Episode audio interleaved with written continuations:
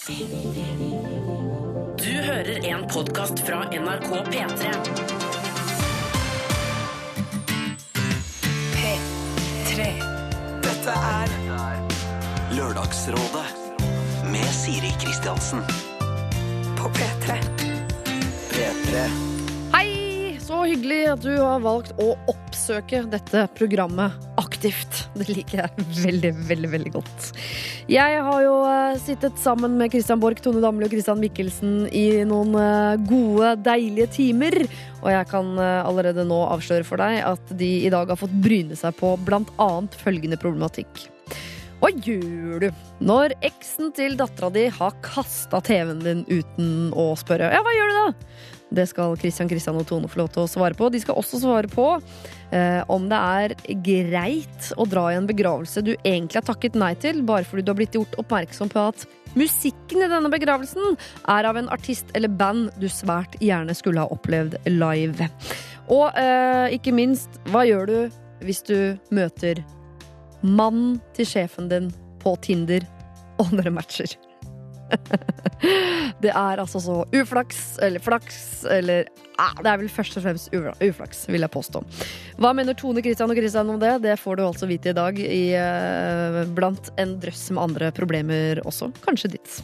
Men nå så skal vi finne ut av hvordan det gikk med Ane, som på et tidspunkt sov sammen med sin kompis, til tross for at hun har kjæreste. Det skjedde ingenting, så egentlig ingen grunn til at hun skulle si noe som helst om det til sin kjæreste, men spørsmålet lå og gnagde allikevel. Hva skal hun altså gjøre? Vi ga spørsmålet til Sigrid Bonde, Hasse Hope og Gaute Grøtta Grav, og her er noen av rådene hun fikk. Lørdagsrådet På P3.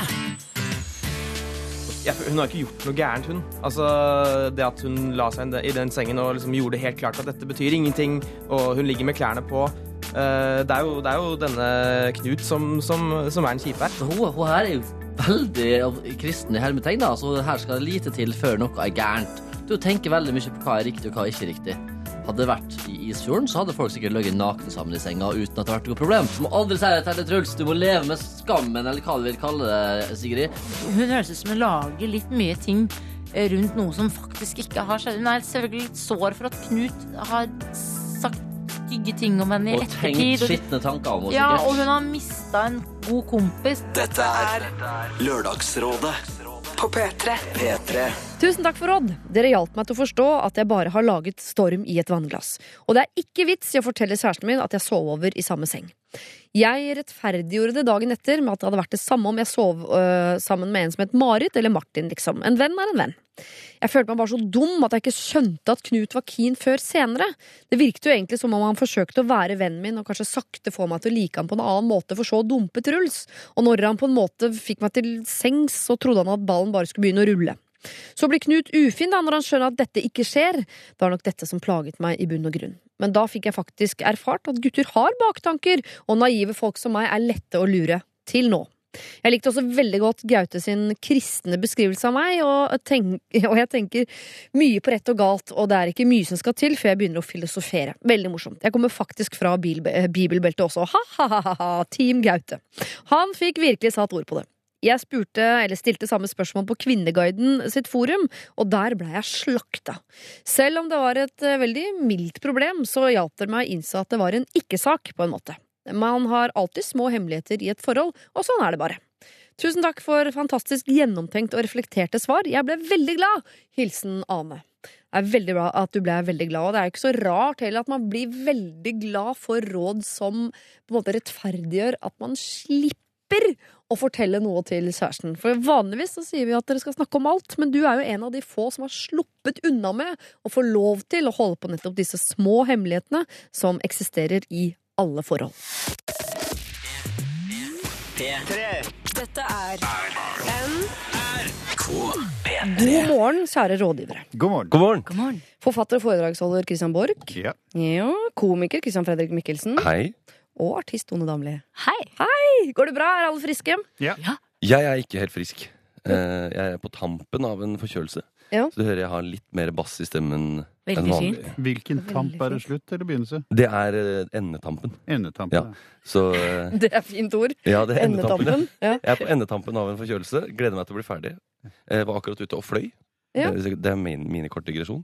Og da opplevde jeg det for andre gang i livet at når du har sånn tette bihuller, at det føles ut som øya liksom skal hoppe ut av skallen, for det er så mye trykk. Jeg har tilbrakt noen timer i fly med det. Ja, det er ganske ubehagelig, altså. Det er veldig ubehagelig. Da satt en japaner ved siden av som var helt eh, Jeg tror han syntes det var veldig ubehagelig at der sitter en snørrmaskin på 1,94 ved siden av som spruter Otrevin i alle retninger og renner fra øynene. Og jeg hadde litt eh, panikk, faktisk. Så jeg er glad at eh, denne endetampen snart er helt ved enden. Ja, og japanerne. Han jeg tror jeg det går bra med. Han Han bare ligger, han ligger for døden nå, så det, det var jo synd. Men for både som artist og som foredragsholder og som komiker, så er det jo faktisk litt krise å være for sjøl, da? er det ikke det? Jo. Man må jo bare dundre på.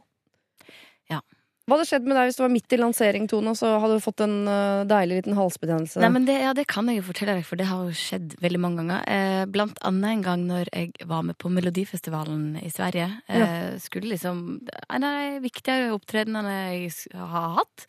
Og har ikke stemmer i det hele tatt. Og jeg prøver all slags mulige ting, altså akupunktur og i det hele tatt. Men jeg endte med å ta flytende kortison eh, før jeg skulle på scenen. Og det funka så ei kule.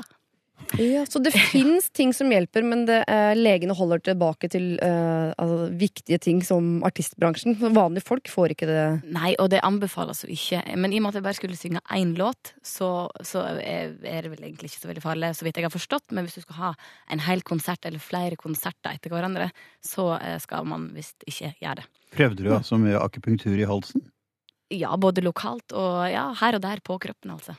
Og det funka ikke. Akupunkturnåler inni halsen? Jeg vet ikke. Ja, nei. Nei, men akupunktur har jeg opplevd at det funka eh, hvis man tar det tidlig nok i Ja. prosessen. Jeg har prøvd uh, ulike typer akupunktur. Min favoritt er sånn gerilja-akupunktur, hvor ikke det er snakk om noen sånne punkter på kroppen. Sånn. Det er mer sånn knivstikking, hvor akupunktøren spør hvor har du vondt. Og så peker man, og så stikker han nåla så langt han kan inn akkurat der det er vondt, og rører rundt og drar den ut igjen. Ja, men det er noe deilig hvis du vet hvis du har vondt et sted, så har du noen gang lyst Det er akkurat som du har lyst til å ta hull på det. Det er litt deilig da å få kjørt en kniv i ryggen, faktisk. Eller ja, det følelsen av er det. kjempe, kjempedeilig. Nei, men jeg prøvde frem sjøl, og det funka. Det funker, Ja, det. jeg hadde det i rumpa, riktignok. Altså ikke i rumpehullet, men sånn. Ja, for der er det jo plass til større nåler. Akupunkturnåler. Var det nål, eller? Nei, det var kniv, var det ikke? Spett. det var Et spett. Men for deg da, Kristian Borch, hvordan er det å bli forkjøla som foredragsholder? Har du opplevd det? Jeg blir ikke forkjøla som foredragsholder. Jeg kan ikke huske at jeg har vært det, på en måte. Men vi hadde jo det der merkelige syndromet at hvis du kom liksom helt pottetett i nesa ned og skulle ha Dagsrevyen og den type ting, så ble du fryktelig frisk. Akkurat idet vignetten gikk på, så ble du snørr forkjøla igjen umiddelbart etter at Dagsrevyen var slutt igjen. Det var en sånn derre Så adrenalin er en slags Otrivin? Et, ja, jeg tror det. Det sitter en eller annen der oppe og holder orden på det. Det gjelder til og med neseblod. Du kan altså blø som en gris ned trappen til Studio 5. ikke sant? Så opphører det i det øyeblikk vignetten går på, og så begynner det å blø som en gris igjen når det er slutt. Det der er helt sykt å tenke på, faktisk. Men også oppkast har jeg hørt. At man kan spille en hel forestilling på en nasjonale scene, og så spyr man i pausen. Så, og, og, men det er ingen som spyr på scenen. Jeg har aldri prøvd. Det har jeg eh, gjort. Spilt revy, da. Ikke på Nationaltheatret. riktignok. Eh. I aulaen på Oslo Hans Gymnasium. Ja. Litt mindre fancy. Men det var ferdig, ferdig med å være? Arne Skeie i fire og et halvt minutt, og så var det ut og spy Nei, spy bak, da. Hadde det noe med Arne Skeie å gjøre? Ingenting, men eh, jeg Nei. tenkte det var moro å fortelle hvilken kontekst jeg spilte. Ja, ja, jeg, jeg skjønner det akkurat. Er du god på Arne Skeie? Nei, jeg var ikke det. Det var det som var synd. Det var bare Mm. derfor du kastet opp. Det var kanskje det. Jeg var ikke sjuk. Kanskje er det morsommere om du faktisk kaster opp på scenen. Ja, så var det. Dere, Før vi begynner å gi råd til eh, alle de som har sendt inn eh, problemene sine til oss, så må vi ta en runde på sivil status. For det er greit å vite for folk, for det er mye kjærlighet. Det er greit for folk å vite hvilken plattform dere står på. For det er så lett å si sånn 'slå opp' hvis man selv på en måte sitter fint i det, osv. Eh, Christian Mikkelsen, Mm. ligger du an der? Jeg har en eh, samboer, som det heter. En kjæreste. Ja. Vi bor sammen. Og er her med samboer. Det er ikke noe utvikling siden sist? Eh, nei, det er ikke noe, ikke noe barn eller noe, hvis det er det du tenker på utvikling. Ikke noe Det er masse forskjellige typer utvikling. eh, Nei, vi, nei, vi har det fint. Vi, altså. Steady. Steady. Ja. Mm. Så bra. Ja. Christian Borch, Ja, vi har det akkurat som vi hadde det forrige gang. Eh, det vil si at du har en eh, noe yngre kjæreste fra et eh, noe mer eksotisk land. To, to noe mer eksotiske land. Ja, Italia og hun er altså det eneste mennesket jeg kjenner som har to pass. Et italiensk og et fransk. ja. Mm. Min svigermor har jo det, men det er jo ikke henne. Nei, det er ikke din svigermor. Det kan du være helt overbevist om. Ja. Og det vært vakkert. Jeg trodde du skulle si to mer eksotiske kjærester. hadde. Med hvert sitt pass. Jeg hørte at det kunne ligge an til det da jeg begynte å si det. Det var derfor jeg rettet på det. Og så har du to ganske store barn. Ja. Eh, har du barnebarn? Ja. Det har du også. Du har hele pakka, rett og slett. Ja. Ordna det. Eh, Tone Damli, Ja, Uh, samboer og ei datter på snart tre. er dere ikke gift? Nei. Hvorfor ikke det? Altså, det, altså, det er jo ikke noe haste, tenker jeg. Nei, det er fint å spare ting, men uh... Tenker jeg, også, altså, jeg tenker han skal glede seg over ulike faser i livet. Vi har Ja. barn, veldig hyggelig. Jeg skal bygge hus, kjempehyggelig. eh, Ja. Og dyrt, ikke minst. Eh, og bryllup, kjempedyrt. Ja. Så da må vi fordele ting litt utover. Ja, men det er fint. Jeg er Ja. ikke gift sjøl, jeg. Jeg gleder meg, sparer det. Ja. Ja. Vi eh, legger plen i hagen, når ting er dyrt. Ja. Da, ikke sant? Jeg kjøpte benkeplate til kjøkkenet sjøl. Ikke? Ikke like dyrt som å bygge hus, Nei men da. det tar jo inn, da. Du kjøpte dem selv, ja, og så da? Hva sa du? Jeg kjøpte benkeplaten selv, ja. Ja, og så hva gjorde du da? Nei, jeg, har ikke fått, jeg venter på den fortsatt. Jeg har bare bestilt den. Ja, Så skal du montere den selv? Men jeg skal ikke montere den, nei. Nei, du Vi skal komme og skjære til Men benkeplate er dyrt, Ah, ja, altså. sånn, ja, ok. Ja. Ja. Ja, da, På noe underlimt vask og sånn. Det kan vi snakke mer om i straks mer beroliget.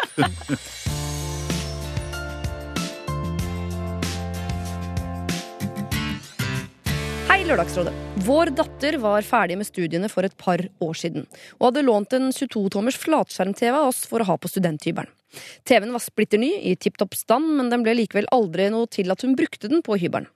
Da hun var ferdig med studiene, flyttet hun sammen med kjæresten sin, og TV-en ble satt i boden. Nå har de gått fra hverandre, og jeg hjalp henne med flyttingen. Da vi skulle pakke ut fra boden, oppdaget vi at TV-en ikke lenger var der. Det viste seg at samboeren hadde kastet den. I løpet av de årene de bodde sammen, ba jeg utallige ganger om å få TV-en tilbake, da vi også har en yngre datter som straks er ferdig med sine studier i utlandet. Når hun flytter hjem til Norge, så skulle hun få den. Jeg er vanligvis verken vanskelig eller gnien, men jeg syns det er utrolig frekt å kaste en TV som var i fullt brukbar stand, eh, mens all den dritten han ellers hadde samla opp, ikke var fjerna fra boden. Det var rustne griller og eldgamle madrasser i boden og ødelagte leker fra hans barndom. Men det eneste han hadde kasta, ja, det var altså vår TV. Og det uten å rådslå med vår datter på forhånd. Eh, jeg har ikke lyst til å la han slippe helt unna med dette, og jeg er ikke redd for å ta en prat med han om det heller. Jeg er en cirka en nuller på konfliktskyhetsskalaen. Vi fins. Men hvordan skal jeg gå fram, og hva kan jeg forvente? Eller skal jeg bare la dette passere? Vennligst hilsen sure svigers. Tja. Tja. Så dette er altså et problem fra generasjonen over og ned til oss, eh, ungdommen, som jeg. Ja, altså, hun beskriver jo et litt sånn egenartet handlingsmønster fra den der X-figuren. Ja. Altså, alt rask og fandenskap stående igjen mens det eneste brukbare ble kastet. Det er et eller annet psykologisk komplisert her, er det ikke det? Eh, Det har vært ymtet frampå i denne mailen som på tidspunktet ble sendt inn, eh, var noe lenger, om at han har noen problemer som tilsier at han kan ha kastet denne TV-en i affekt på et eller er annet nemlig tidspunkt. det. Det var, Ja. slo meg også. Ja. Men hvis vi skal gå over fra det psykologiske til det teknologiske Ja. eh, Jeg bodde på en, en leilighet på eh, Bislett. Eh, de vet sikkert godt, eh, hvis de hører på, hvem de er de er leide av.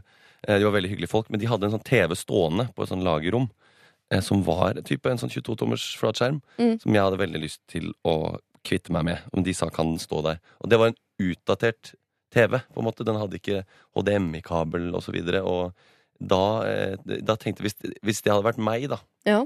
Så hadde jeg kanskje tenkt at den TV-en her er såpass gammel, for de blir jo så fort foreldet, disse TV-ene om dagen. At dette er generasjonsgreie, at uh, frøken Sure svigers her er ikke klar over at den TV-en den uh, kan du ikke bruke lenger. Du kan ikke koble den opp mot en Apple TV. Eller, Ja. altså, den, er, det den er utdatert. Kan jo hende. Men Ja. allikevel veldig ugreit, syns jeg. Eh, og jeg syns absolutt at hun skal ta den praten med han og få en slags kompensasjon. Rett fra han. Ja. Ja. Det er han som har gjort eh, en feil her, og det må han gjøre opp for. Om, altså, han kan ikke betale like masse som hun betalte for TV-en den gangen, men en sånn liten kompensasjon.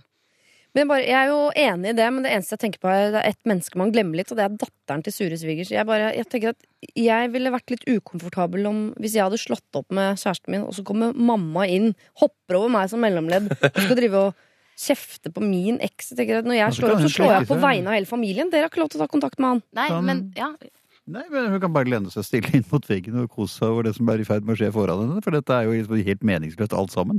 Ja. For det første at han har kastet den, for det andre at han ikke har kastet det som burde kastes, for det tredje at han ikke har spurt om det. Og jeg skjønner at sure svigers er sur, fordi at, ikke fordi hun har mistet TV-en, men antagelig fordi hun oppfatter dette som en helt idiotisk oppførsel. Og så ønsker å si noe av den grunn. Og da syns jeg datteren bør sette seg rolig ned og se på at dette utfolder seg, for eh, hun er i ferd med å flytte hjemmefra, og det vil si det har hun jo allerede gjort. Ja. Og denne fyren er jo flyttet ut, så jeg mener det er ikke noe å tape. Det jeg hadde likt at uh, hadde skjedd hvis jeg var i samme situasjon, var jo at, uh, at uh, mor hadde kommet til meg først og spurt hva gjør vi her, har du lyst til å ta den praten, eller skal jeg gjøre det? For den praten skal bli tatt. Ja, Ja. ja det Ja, syns jeg også. ja. Ja, for jeg syns vi kan involvere datteren her. For det kan hende hun syns det er ubehagelig at uh, mutter'n og eksen skal snakke sammen over hodet. Ja, Med mindre hun er liksom dritforbanna på han og syns at det er greit. Jo flere som kjefter, jo bedre. aktig. Ja. Hiv dere på. Naboer og venner, og hvis det er det flere som vil Men det kan dattera få være med å bestemme. Ja. Suri Svigers, vi skjønner at du er sur. Eh, Dette her er ikke greit. Eh, Så du skal få lov til Altså, den samtalen du vil at skal skje, den skal skje. Men ta en runde med datteren din eh, i forhold til om hun vil ta den, eller om du skal ta den.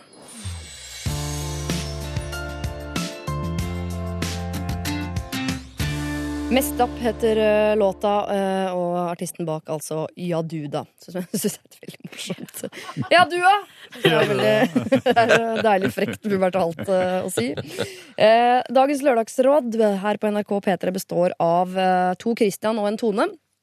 Tone Damli, Christian Borch og Christian Mikkelsen. Og det må du gjerne bruke som inspirasjon til eh, neste låt, Tone, for det er antakeligvis noe du alltid har drømt om. En Tone og to Christian. Eller hva? Det skal jeg ta med meg videre. Gjør det. gjør det. Dere, Vi skal til et uh, problem, og for dere som har penn og papir, kan det være greit å notere her. Jeg har et problem med mine sære foreldre, som jeg er så glad i. Vi har alltid hatt et godt og forholdsvis nært forhold, men i det siste har ting begynt å endre seg til det negative. Min mor har med årene blitt rarere og rarere, og ikke sånn som mødre flest blir. Hun sier ting som ikke stemmer, men hun er helt ufarlig. Hun har ingen diagnose på dette per nå, ettersom vi ikke snakker sammen om noen ting eh, som er av ordentlig karakter i min familie. Jeg har sett på min far som min bestevenn siden jeg var liten. Vi er veldig like, og vi har samme humor. Det siste året har jeg lagt merke til flere mystiske og kjipe ting ved han. Han har blant annet eh, begynt å ikke svare meg når jeg prater til han, skule stygt på meg hvis jeg forteller om noe som helst, og si ting til meg på en hånlig måte som virker veldig som om han prøver å såre meg hele tiden. Og la meg altså legge til at jeg har ikke gjort noen ting for å fortjene dette fra han. Jeg er det man kan kalle en mønsterdatter. Denne oppførselen har han også mot min mor, men ikke mot min bror.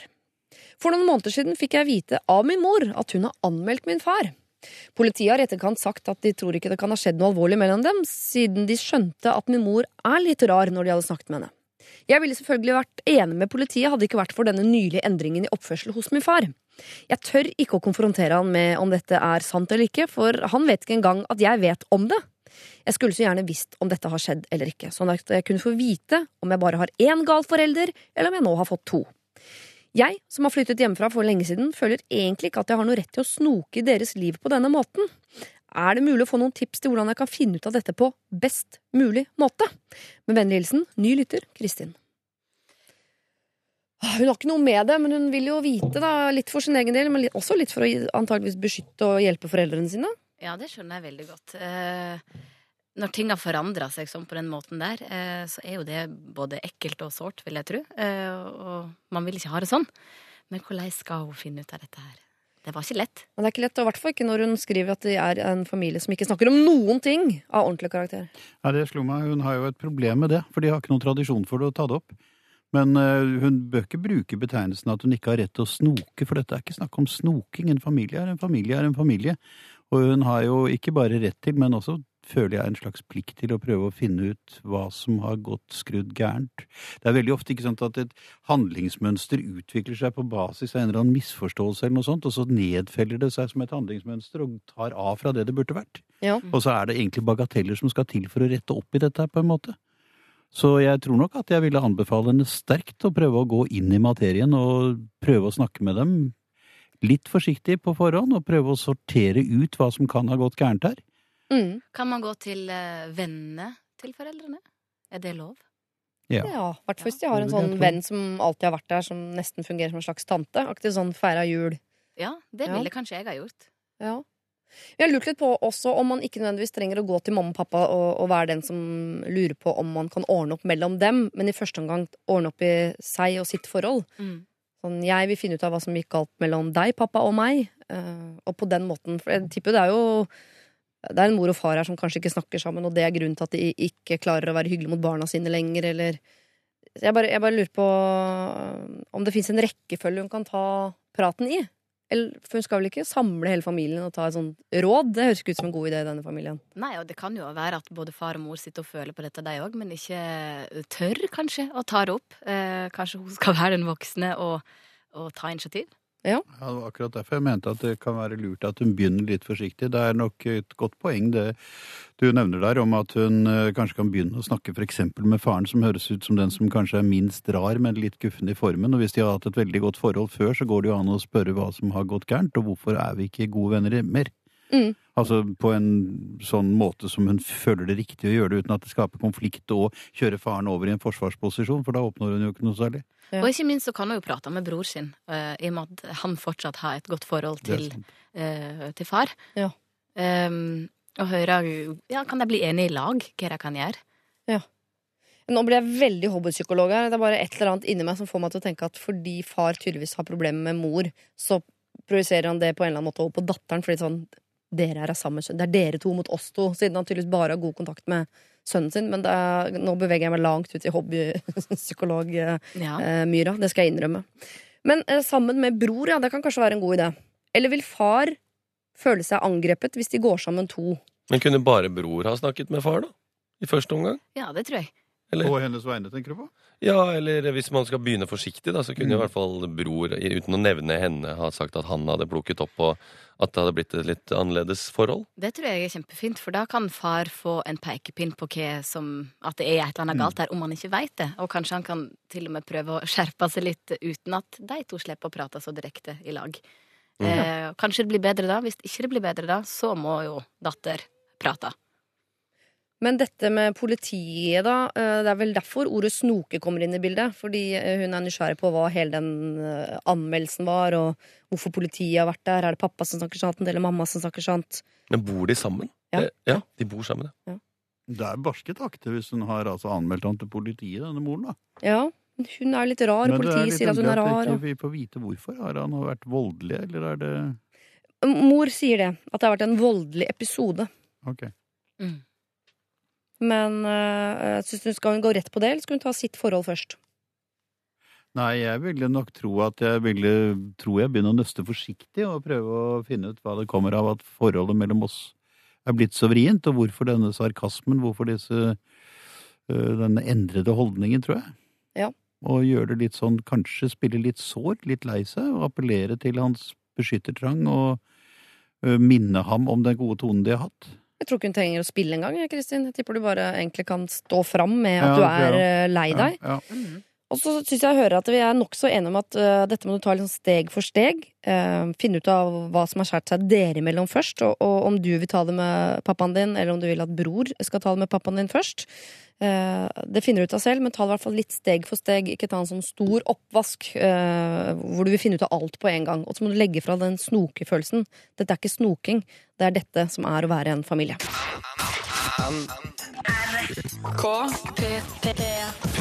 P3. News med låta om det hullet du helst ikke vil ha akupunktur i, Supermassive Black Hole, og før det Naked sammen med Dio og låta Sexual. Hvis du ikke tok den jokeren, så er det fordi du akkurat har skrudd på eh, dette programmet, Lørdagsrådet på NRK P3. Podkast det gjerne og gå tilbake i tid, så vil du skjønne ja, Tone Damli er involvert, er det ikke det, Tone? Jo, Ja. I aller høyeste grad. I aller høyeste grad. Christian Borch er også rådgiver i dag, og det er også Christian Fredrik Mikkelsen. Hei. Og nå skal vi eh, til feltarbeid. Jeg driver for øyeblikket med feltarbeid på min bachelor. Vi er tre på gruppa vår, men hun ene er så utrolig fjern at jeg syns det er vanskelig å jobbe med henne. Dette fører til praktiske problemer, som at hun tar på seg vakter når vi har avtalt å møtes fordi hun ikke får med seg at vi skal møtes, eller at hun ikke har gjort det hun skal gjøre fordi hun ikke skjønner eller får med seg hva vi eh, skal gjøre. Det byr også på andre problemer i selve oppgaven, da hun melder seg ut hver gang vi møtes, og det virker som om hun ikke får med seg hva vi jobber med.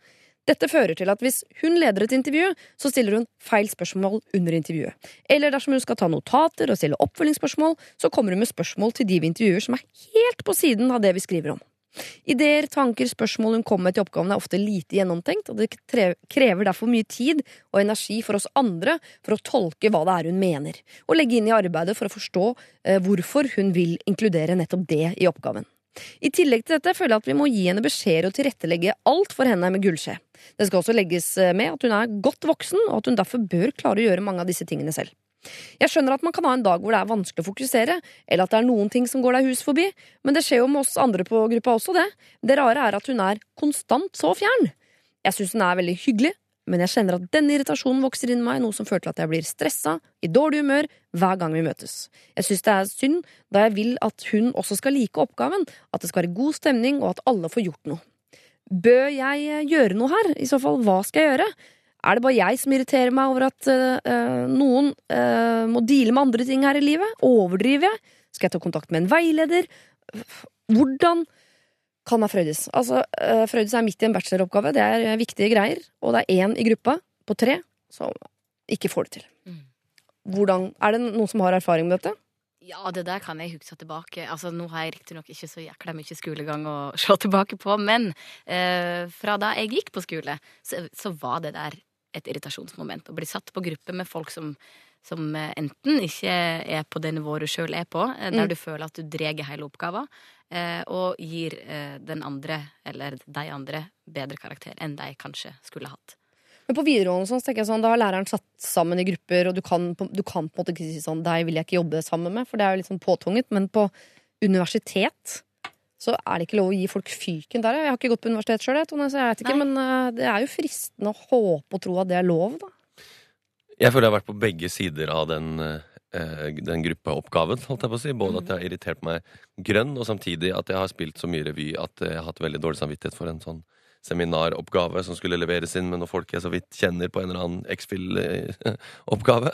Mm. Eh, Så på en måte så har jeg også veldig lyst til å si bare gå rett til veileder og, og, og bare være en snitch, liksom. Og, Mm. og si det som det er. Eh, men, men samtidig så kan det jo være greit å konfrontere den personen med det først.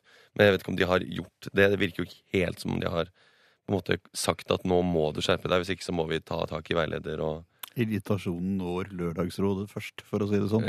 Ja, men sånn må vi ha det. Sånn må vi ha det. Jeg er litt nysgjerrig på hva slags fag dette er. Hva er det de driver med? Sosialantropologi, for eksempel? Eller er det psykologi? Hvis det er psykologi, så er jo situasjonen uh, interessant. For da kan de lage et parallell, en Ikke parallell sant? Da bachelor har du som handler om ja, gruppearbeid. Hvis det er geologi, så Da blir det vanskelig. Det kan jo også være det, hvis de fysisk skal ut i felten og samle steiner, for eksempel. Ja, Det virker som feltarbeidet her handler om intervjuer, da, så det må jo være eh, noe som er basert på mennesker og ikke Veldig vanskelig jord. å intervjue en stein, altså. Enig. Jeg Har har vært nødt til å prøve det av og til. Mm. Har hatt gjester, Ja. jeg vil sammenligne med steiner i P3 Morgen, for eksempel, tidligere. Nei, altså jeg tror, jeg tror nok at jeg ville sterkt anbefale henne å snakke med denne damen selv, og det er klart at her er det bare et spørsmål om måten å gjøre det på. Eh, Det går nok an å stille henne noen forsiktige spørsmål. ikke sant? Da syns du dette faget er drepende kjedelig, eller noe sånt? Jeg bare spør, for det virker kanskje sånn. Eller et eller annet i den stilen. altså. Hvis jeg kan ikke, jeg kan ikke Nei, ikke stryk det der. på å si. Man kan ikke fortelle hvordan man skal gjøre det, for det kommer an på hvordan personligheten er. Men jeg tror nok jeg ville nærme meg henne først. Og hvis hun da virker like fjern og svarer like ut i hutt i heita på de spørsmålene, så tror jeg nok at veilederen er det riktige. For det er klart at hun drar jo nivået og inspirasjonen og hele den akademiske performance i den gruppen, den drar jo denne damen ned med sin likegyldighet og sin fjernhet. Ja, og ikke minst så bør hun jo gjøre det ganske snart, fordi Ja, at hun fyrer seg jo mer og mer opp, eh, vil jeg tro. Så eh, dess fortere, dess bedre, altså. Nå syns jeg dere er ganske greie, egentlig. For jeg tenker De er tre stykker på gruppa, de skal levere denne oppgaven. Og de har helt sikkert sagt fra at de blir irritert på alle de småtingene som skjer hele tiden, uten at de har tatt den store konfrontasjonen. Men det er på en måte, det er framtiden din. Det er, det, du, det er dette du skal gå ut og søke jobb på på et eller annet tidspunkt. Mm. Skal man bare være litt sånn Hvor raus og grei skal man være med hun ensomme? Det er ikke sikkert hun, det er noe gærent med hun, hun bare har en annen måte å tenke på som ikke passer inn i gruppa. Vi er i februar, da. Når er det disse bachelorinnleveringene kommer? April? Ja. Ja, vi må jo ikke være så sykt flinke så at vi skal eh, Må passe oss litt for å bli eh, helt eh, de som skal klage på folk to måneder før oppgaven skal leveres inn. Men altså, poenget er jo må jo få muligheten til å lage en ny oppgave, hun som skal sparkes ut av gruppa. Jeg prøver å lede dere Ja, det er ditt prøver gjerne å inn dit. Ja. Er det for hardt? Nei, men altså, Det er ikke noen som har sagt at den nødvendigvis må kastes ut, men det er jo mulig at hun selv oppfatter sin egen situasjon i gruppen helt annerledes enn det de tre andre oppfatter den som. Og da vil jo det å snakke med henne være et nødvendig korrektiv, et viktig korrektiv og et verdifullt korrektiv for henne. Og for gruppa. Ja, for hun, de andre an tankene og ideene hun hun- har, kan jo, det er ikke sikkert de er feil. Hun bare tenker annerledes. Hun vil lage en annen oppgave. Men du behøver jo ikke behandle henne med, med forsiktig fjær av den grunn. Altså, men du kan jo snakke og si at du har et klart mål med dette her, og du, vi, vi kan ikke fortsette sånn. liksom. Nei, og du kan jo være såpass hard at hun forstår alvoret, vil jeg si. Hadde dette vært min venninne som hadde kommet kommet og sagt dette til meg, så hadde jeg jo sagt eh, kvitt deg med henne, liksom. Dette er ikke bra for deg. Bra. Det jeg liker at du sier, for det tror jeg også hvis jeg hadde vært venninne til Frøydis, hadde jeg sagt sånn Tupp når hun gamla ut av gruppa hvis hun bare ødelegger. Det er jo, du skal ha en god karakter Mm. på uh, gruppeoppgava di, som jeg liker å kalle det. Men tenk deg, hun gamle har sikkert mye å tenke på, da. Ja, men det er Kanskje vel hun har ikke en Frøydis sitt svigersønn som har problem. Hun er ung og har framtiden og- foran seg. Altså, Ja, Det kan ikke du bære på dine skuldre, Frøydis. Det mener jeg helt alvorlig. Men la oss møtes på midten, da. Uh, Det du gjør, Frøydis, er at du snakker med denne dama en gang for alle, og uh, får henne til å virkelig forklare sånn Kommer hun til å skjerpe seg? I så fall må hun gjøre det nå, og da må hun også bevise at hun gjør det nå. Og gjør hun ikke det, så må hun gjerne ta en omvei innom veilederen, men jeg hadde tuppet henne på huet og ræva ut. Lørdagsrådet med Siri Kristiansen. På P3. P3. Nå skal vi til en som heter Peter, eh, som eh, trenger noen gode råd. Hei. Jeg har nettopp funnet ut at eh, kjæresten min gjennom fem år var utro mot meg da jeg var på reise før jul. Før dette har vi aldri hatt noen problemer. Jeg er mildt sagt sjokkert. PTSD, posttraumatisk stressyndrom, er det vel det står for, er en god beskrivelse av min livssituasjon akkurat nå. På toppen av det hele er min kjæreste nå dypt deprimert. Hun sliter alvorlig fordi det var så vondt å holde alt dette skjult for meg. Hemmeligheten har definitivt gått utover oss begge. Hun har nesten ikke rørt meg, eller orker ikke å være i samme rom som meg, da hun sier at det å se meg får henne til å hate seg selv. Så, kjære folkens, dropp det idiotiske rådet om at man ikke skal si noen ting, for det funker ikke, med mindre du er en følelsesløs tomsing. Jeg skal skrive den ned og gi den beskjeden videre til Sigrid Bonde Tusvik. Utroskapen klarer hun ikke å forklare selv, annet enn at hun var veldig ensom en periode, arbeidet mye, og hun var betatt av denne fyren. Jeg har en stor avsluttende mastereksamen rett rundt hjørnet, og hun er så deprimert at jeg tør ikke å be henne om å flytte ut eh, denne perioden, da hun strengt tatt ikke har noen gode venner eller slekt i denne byen. I tillegg skal jeg flytte fra byen og begynne en ny, eh, fantastisk jobb i løpet av våren. Hun derimot har ett år igjen på sitt studie, og planen var å pendle det første året før vi fant en permanent løsning i denne nye byen. Nå vet jeg ikke hva jeg skal gjøre. Vi bor sammen, og det er fryktelig slitsomt. Før det skjedde det, eh, med meg, var jeg kategorisk på at utroskap var 100% uakseptabelt. Men når jeg nå står midt i det, er det en helt annen situasjon, og jeg har både lyst til å gå, jeg har lyst til å bli værende, og jeg har lyst til å jobbe med forholdet. Og vi er begge blitt enige om å forsøke parterapi. Skal jeg forsøke så godt jeg kan å reparere forholdet fram til jeg skal flytte om et par måneder, og ta en ny vurdering da, eller skal jeg være hard og brutal etter eksamen? Fint om dere kan ha litt forståelse for at det er ikke svart-hvitt dette her. Kall meg Peter. Eh, Da legger vi bort eh, alle de rådene vi ga på forrige eh, runde med denne bacheloroppgava hvor folk skulle tuppes på huet og ræva ut. Åpner opp hjertene våre. det det Og det var meg, ja. Jeg snakker først og fremst til meg selv. Og åpner opp for ideen om at ting ikke er svart-hvitt. Hva syns vi Peter skal gjøre her? Hva tenker du, Christian? Eh, jeg merka at jeg rynka hele trynet når jeg hørte det, fordi det var en sånn en vond situasjon. Eh, jeg fikk ikke i den første teksten så veldig inntrykk av at han hadde lyst til å bli værende og jobbe med forholdet, men det sa han jo til slutt. Mm. Men først så virka det mer for når hun da er så deprimert fordi hun har vært utro at hun ikke klarer å være i samme rom som han, så høres det, det veldig fælt ut, da. At Ja. det er som en sånn hund som bare går fra rom til rom når du ikke er der. Eh, Ja, Det er jo rart, men man får jo masse sympati med henne i dette her. ja, I eh, denne mailen. Og han skal jo også levere den masteroppgaven, som på en måte er en greie i livet, det også, oppi det hele. Som gjør, gir det en sense of urgency, at det må, på et eller annet vis må eh, løses, på en måte. Um, jeg- Men legg alt det praktiske til side.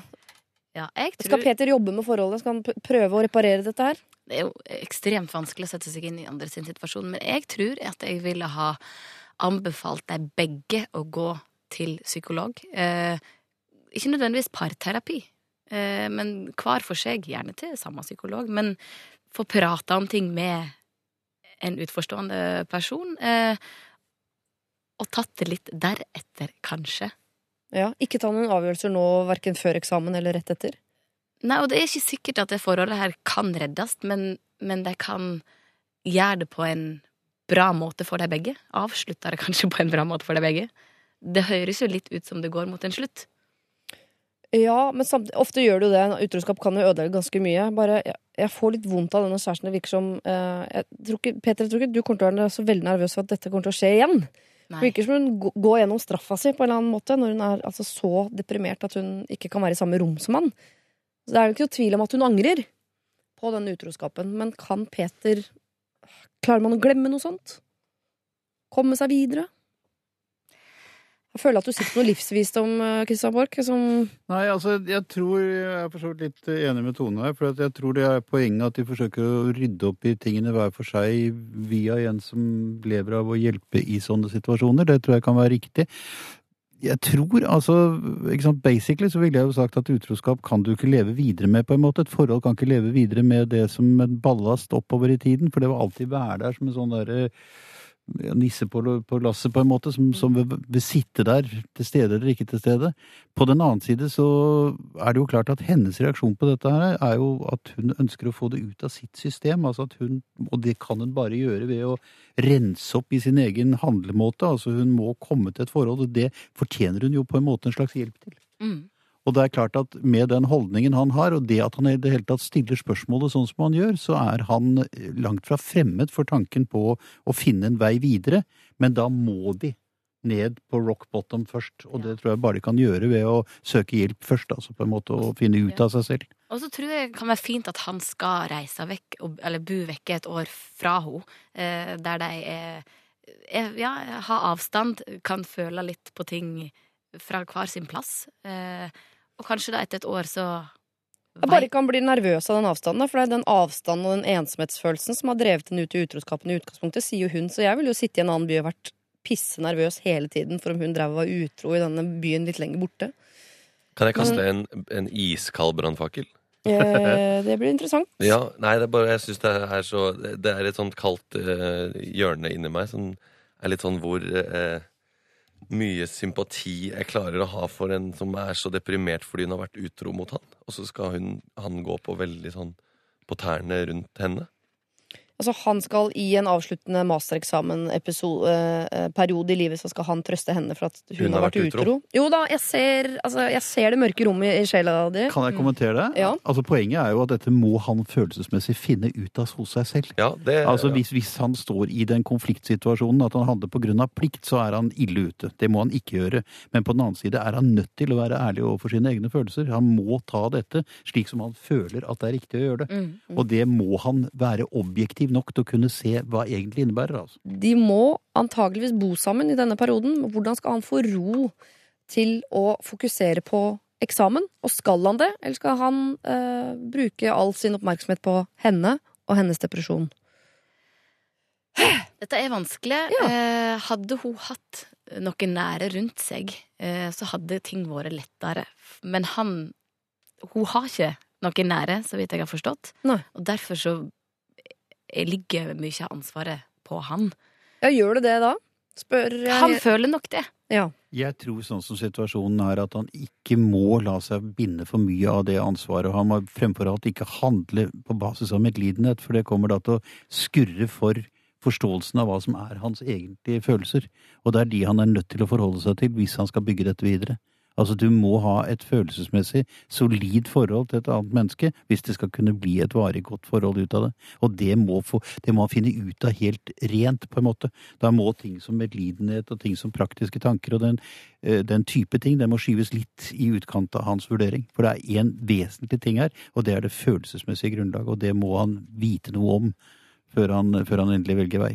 Og det klarer han kanskje ikke å vite noe om nå midt oppi alt, med Nei, eksamener og alt mulig. Hva, han- foreslår da en litt avstand en periode, eller? Han må tenke veldig grundig over hvordan han skal gjøre det, men kjernen i hans vurdering må ligge i det reelle følelsesmessige forholdet. Og han må vite hva det er for noen ting, og det må han finne ut av først.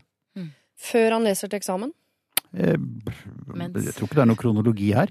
Jeg tror det, altså, men du går jo og tenker på saker og ting. Du tenker jo ikke bare på eksamen. Nei, jeg bare, jeg tror han er ute etter på en eller annen måte å få rydda plass til å Uh, enten enten reparere forholdet eller til å eh, gjøre det bra på eksamen. Jeg, jeg tror ikke han ser hvordan han skal klare alt samtidig, og jeg tror ikke han har på en måte samvittighet til å nå sette seg ned og bare lese, lese, lese, mens Men hun går ikke- rundt og er deprimert i, i gangene, på en måte. Men Siri, du kan ikke finne ut av ditt følelsesliv langs en tidslinje. Det, er, altså, det, det har ikke noe med tidskronologi å gjøre, det. Det er et eh, Nei, men jeg, jeg, tror, jeg tror ikke han nå kommer til å finne ut av hva, eh, alt, alt det følelsesmessige, men eh, jeg tror bare han er på jakt etter noen råd i forhold til hva han rent praktisk uh, i forhold til denne tidslinja skal gjøre med denne eksamen, nå mens han har en deprimert kjæreste gående rundt i leiligheten. Ja. Er du fortsatt inne i den mørke delen av sjela di, Kristian, som mener at han Nei, men jeg bare følte at det var verdt å si det på en måte. Eh, bare fordi det kan jo Det virker jo ikke som han eh, tenker sånn, men på en måte så sier du at jo, han vil kanskje ha en slags en eller annen At vi hjelper å få en eller annen slags praktisk løsning på dette akkurat nå, eller jeg vet ikke. Hun har ikke noe slekt i byen, eller noe sånt, men det virker jo ikke som hun altså, Hvis hun jobber, i, jobber hun i samme byen, eller Er hun i kunne stand hun til å bodd hos i familien, eller eh, Hun studerer, da. Skal studere et år til. Ja. Mm. For det virker jo som han syns det er utrolig vanskelig at de bor sammen nå, når, når de attpåtil ikke har noe forhold, og de vet ikke om det blir noe forhold, og hun er deprimert, og han få, skal jo flytte etter hvert også.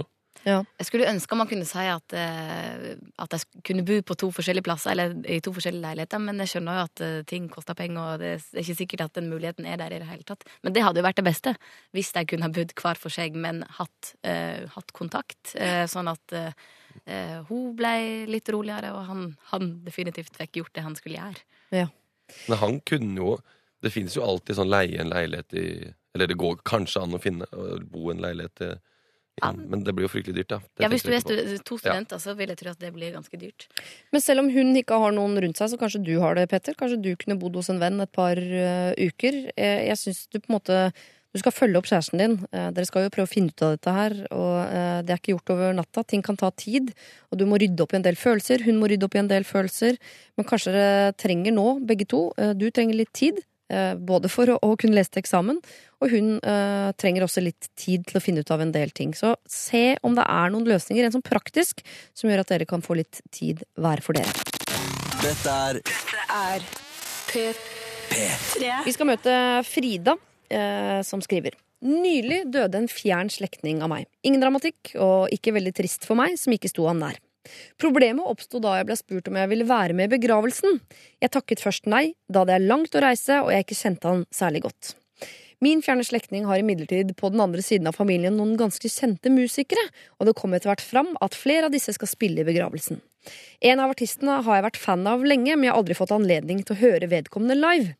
Plutselig fikk jeg jo kjempelyst til å gå i begravelse. Ikke for å sørge over den døde, men for å dra på konsert.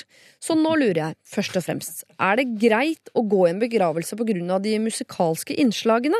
Vil jeg bli gjennomskuet hvis jeg plutselig ombestemmer meg? Og hva sier det e- egentlig om meg som menneske? Jeg håper på god rådgivning da jeg står fast selv, og som dere sikkert skjønner, har jeg ikke veldig lang tid på å bestemme meg. Hilsen Frida i anførselstegn. Tone Damli, har du lyst til å begynne her? Ja, det kan jeg godt gjøre. Eh, jeg syns hun skal reise i begravelse, jeg. Eh, hun trenger ikke å egentlig si noe om hvorfor hun er der. Folk vil jo tro at hun er der eh, på grunn av personen som er død. Ja. Hun trenger ikke å virke, sånn, virke noe lei seg heller. Men, men, nei, men bare det at hun er der, er jo Kanskje ikke så mye applaus Ah, Nei, hun trenger nok ikke å klappe etter endt konsert. Eh, men jeg tenker at liksom, grunnen til at hun er der, det Jeg syns ikke hun skal dra. Ikke dra? Nei, jeg, føler, jeg, jeg fikk en sånn impuls sånn ha litt skam, da. Altså hvis jeg hadde hørt Det er sånn, nei, vet du hva, jeg gidder ikke dra i, i, i onkel Tellefs begravelse, men vet du hva, jeg hørte de har noe karbonadesmørbrød som kommer etterpå. Og vet du hva, jeg digger karbonadesmørbrød. Jeg drar der bare for å spise. Kjør på, hadde jeg tenkt. Ja. Her er Ja, dere jeg, uenige. hadde, jeg er enig med Tone. Jeg hadde absolutt dratt, jeg. Altså, og mener du gjør, noe, du gjør noe positivt for de menneskene, i tillegg til at du har et utbytte av dette selv, og det kan komme til å bli en opplevelse for henne som gir henne et annet innhold i det enn hun tror på forhånd. Så jeg mm, Ja, og jeg tenker jo sånn for familie sin, familien sin del, å se at hun er til stede der. Eh, Nå har hun fått med seg Christians idé om at hun kan ta arbeid med skamfølelsen sin på vei. Så dette her er uh... Eller så hørte hun bare det Kristian sa sånn Å ja, kanskje det er god karbonadesmørbrød også. Da drar jeg i hvert fall. Kan det jo hende at Ikke hun spis før du kommer, for å si det sånn. Jo, Nei, kanskje jeg- jeg var litt streng, da, men jeg bare jeg følte litt sånn uh... eh, Nei, nei, jeg vet ikke. Jo, men det er en grunn til at hun spør om eh, hva sier dette om meg som menneske, og det kan vi godt ta en runde på, men jeg er jo enig at hvis hun drar den begravelsen, uansett hva intensjonen i utgangspunktet er, så for det første tror jeg hun kan bli overrasket når hun kommer dit, og eh, hva en begravelse kan gjøre med det, at hun faktisk kan bli tristere enn hun trodde, ikke bare fordi hun plutselig er litt glad i onkel Tellef, men fordi hun tenker litt på liksom, familie og verdier, liv, død osv., så, videre, så kan det være greit å få en liten sånn oppfrisker på. Men også overfor familien så er det jo hyggelig øh, jo flere som er der, jo bedre. Om den ene av de har en litt annen intensjon, om det er karbonadesmørbrød eller om det er eggser med Bjørn Eidsvåg. på en måte. Det, ja. Og så får hun kanskje en sjanse til å bli eh, litt bedre kjent med han før, altså, før han går i, helt ned i jorda, skulle jeg si. Ja, men du, Det har jeg opplevd flere ganger i begravelse. Du har vært i en begravelse der du kanskje ikke kjenner vedkommende så veldig godt, Mm. men så får du høre en del om livet til denne personen, som er veldig fint å høre, Ja. syns jeg. Jeg, jeg har følt at jeg har blitt bedre kjent med en del folk eh, i begravelse. Men hva sier du om henne som menneske? da? Skal vi ta to ord om det, eller? Hva tenker du der, Kristian? Nei, jeg tenkte jo først at uh, Nei, det var ikke så farlig med den begravelsen. Men så kommer Astrid S til å, å synge Tue er hjemme med orgel her en eller annen gang, så da dra, drar jeg. Jeg vet ikke om det kanskje bare var en impuls at jeg syns det var litt sånn eh, Jeg vet ikke, vet ikke hvilket ord jeg leter etter her. Det er ikke egoistisk, på en måte, men det er liksom noe eh, Nei, det, ikke, det føles ikke helt genuint at hun skulle gå i den begravelsen, da, men det kan godt hende at hun opplever Tellef på et nytt, uh, et nytt lys. Nei, og så tenk, jeg, jeg ser for meg at hun her er ganske ung. Ja. Eh, og jeg tenker at man har lov til å tenke sånne tanker når man er ung. Jeg er enig i det. Ja, men det, er det. det har man jo lov til òg. Mm. Ja, det, det er jo dette sorte, mørke lille rommet som du beskrev i stad, Christian, som alle har. Og de fleste vil nok kunne tenke dette her. Og så er det noen få som sier det høyt, og så er det enda færre enn det som agerer på det. Så jeg vil jo bare si at du er i, eh, mer i kontakt med det lille mørke rommet som alle har. Kan vi ikke si det så pent, da. Ja. Men det virker som du har fått pass eh, påskrevet, Frida. Du får lov til å dra i den eh, begravelsen. Bare oppfør deg litt ordentlig, og så vær forberedt på at du kanskje kan få noen åpenbaringer underveis. Dette er Lørdagsrådet På P3. P3. Jeg har et moralsk dilemma som jeg trenger hjelp til å løse. Jeg begynte i ny jobb i august i fjor og har fått god kontakt med sjefen min. Hun er nylig gift, og hun og mannen har et avstandsforhold i ukedagene. For en liten stund siden kom jeg over noen som så litt kjent ut på Tinder. Jeg tenkte at oi, han var kjekk, og sveipet til høyre. Vi endte opp med å matche. Ved nærmere ettersyn så jeg at dette er jo mannen til sjefen min. Jeg har kun sett bilder av han tidligere fra bryllupet, jeg har aldri møtt han. Vi har ikke hatt noen kontakt annet enn å matche på Tinder. Men nå lurer jeg jo på om jeg skal si noe til sjefen min, eller om jeg bare skal la det være. Hilsen Ingeborg. Ops. Her er det Ai, ai, oppdaga ai. at Den var ikke grei. Nei. Det er starten på en eh, film, det her. Ja. Er det ikke det? Jo. Jo. Ja, Veldig det er det. typisk eh, romantisk komedie. ja. Ja, eller en dyp tragedie. Det er en thriller. Harrison Ford, Meryl Streep. Splatter, ser jeg for Og meg. her. en eh, ung Dennis Quaid. Nei, det ble feil igjen. Han er ikke Det ble for ungt. La den ligge. Eh, Så, så Hvem for skal meg noe spille mer Ingeborg? sånn Marlon Brando. Ja, men- ja, ikke sant? Er ikke han Det er død? svart-hvitt. Han er død. Han er død. Mm. Ja, nei, da blir det vanskelig. Ja. Men eh, ikke tenk på det du, Ingeborg. Du skal få slippe å, å kaste den filmen. Det er det andre folk her som tar seg av. Det er helt tydelig. Og det er allerede gjort. det har jeg allerede gjort. Men hva skal Ingeborg gjøre? Hun vet han, noe som sjefen kanskje vet, men eh, altså, han her mannen her fortjener jo å bli straffa, som er på en sånn offentlig tjeneste. Og bare tenke at det er greit, og ikke at det skal bli oppdaga. Det er jo helt på jordet. Det kan jo hende at de har et sånn type forhold eh, som når de bor har avstandsforhold og er sammen her og der, at man kan gjøre sånne ting. At man kan møte andre så lenge det får noe Såkalt åpent forhold. Ja, et såkalt åpent forhold. Jeg vet ikke. Eh, Det kan jo hende, det. det er en sjanse for det. Og da blir det veldig flaut for Ingeborg å gå inn til sjefen og liksom ha virkelig uh, kvinna Ja. seg opp og eh, leverer denne beskjeden, og så er det sånn Det har vel ikke du noe med? Det nødvendigvis sånn er. flaut? Ja, jo, ja. Ja, jeg synes det. Men på den annen side, hvis hun ikke gjør noen ting, skal hun da gå rundt med denne kunnskapen uh, i et sånt daglig forhold til denne sjefen og kukulure på det? Den kommer til å gnurke seg fast i sinnet hennes og bli til en eller annen sånn bremsekloss i forhold til Gjør den sjefen. det? ikke sant? Ja, gjør den ikke det? Man trenger jo ikke å ha så mye med sjefen å gjøre. Nei, ja, kanskje ikke, men altså likevel gå rundt med en sånn kunnskap uten å gjøre noe med det. Jeg vet ikke, jeg tror det kan bli en sånn verkebyll på en måte som kan øh, Nei, jeg tror det Ja. Må i hvert fall ikke si det til de andre kollegaene. Sånn, Nei, det må hun ikke. fun Nei. Uansett ikke. Nei. Altså, jeg tror jeg hadde gått inn til sjefen, Ja, jeg tror også det. og så hadde jeg gjort det på en eh, ydmyk måte. Sagt sånn Hei, jeg veit ikke helt om det her er liksom innafor å ta opp, men jeg gjør det likevel, for jeg har gått og tenkt litt på det. Eh, jeg matcha med mannen din på Tinder. Eh, og så kan, kan hun ta samtalen litt eh, som det kommer. Enten så blir han liksom lagt død, eller så blir det en greie ut av det. Jeg tenker uansett at hun har gjort noe riktig ved å seire. Mm, Men da risikerer vel Ingeborg også at denne sjefen kan finne på å bli sur på Ingeborg? For det er sånn man reagerer noen ganger, selv om eh, at man blir sur på feil menneske når man blir såra. 'Killing the messenger' kalles -hmm. det der, jo. Det er riktig, det. Men eh, det er nok litt sånn, eh, tror jeg, måten Tone sier at det bør gjøres på, som er litt viktig her. Altså at hun tar det fryktelig forsiktig og bare sånn Vet ikke om det er riktig jeg må si dette her, men jeg kan ikke la være, på en måte. Nei, jeg tar sjansen, også for brist eller bære. Jeg kunne jo forhørt seg Men litt hadde først, dere da. gjort- Gått litt mykere til verks enn å gå rett inn og si hei, mannen din er på Tinder, og jeg fant ut av det, for jeg syns han var kjekk, så jeg matcha med han. Vi ble vel enige om at du skulle gjøre det litt mer subtilt? Ja, kanskje, jo, enn men det er akkurat jo på en måte det dere sier, da. Det er jo det. Det er det som ligger i bånn der. Men nummer én, eh, det er, mye, det er ofte mye sladder på kontor. Hun kunne jo spurt eh, noen av kollegene du, hvordan går det? er de, Bor de sammen, eller åssen flytter hun? Gjort Og så litt kanskje noen sier research. Jeg har hørt at jeg har et sånt åpent forhold fra Mona på regnskap. På regnskap. ja. Mm. eller så kan hun gå inn til sjefen og si du, eh, Mona på regnskap, hei, jeg heter. Ingeborg, jeg begynte her i august, du husker kanskje ikke meg, men jeg, eh, jeg hørte bare at du og sjefen din bor litt fra hverandre eh, i ukedagene. Ja, sa Og ja. kjæresten min han skal flytte bort, når jeg lurte på åssen dere takler det. Og så kan hun da få høre om de har et åpent forhold. Hvis hun sier, ikke sier noe om det, så er hun jo fucked. Så gå rundt grauten er altså Ja. ditt råd. Nei, jeg er jo en gå rundt grøten-fyr. så De jeg vil jo fleste går rundt grøten. Det er der det de er mest folk. først. Men det er jo bare for å prøve å finne ut noe før man eventuelt går rett og sier hallo. Ja, Men så sa du jo òg at Ingeborg var det jo et sant? Mm. har fått et godt forhold til sjefen sin. Ja. Ja. Og hvis de har et godt forhold, så bør dette her være liksom greit Ja, det å snakke om.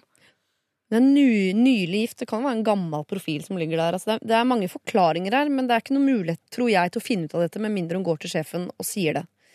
Eh, de har et godt forhold. Jeg vet jo hva jeg hadde gjort. Jeg hadde ikke turt å gå inn med denne informasjonen. Mm. Eh, jeg hadde bevart dette som en sånn liten skatt til, eh, du til fremtidige bort. lønnsforhandlinger osv.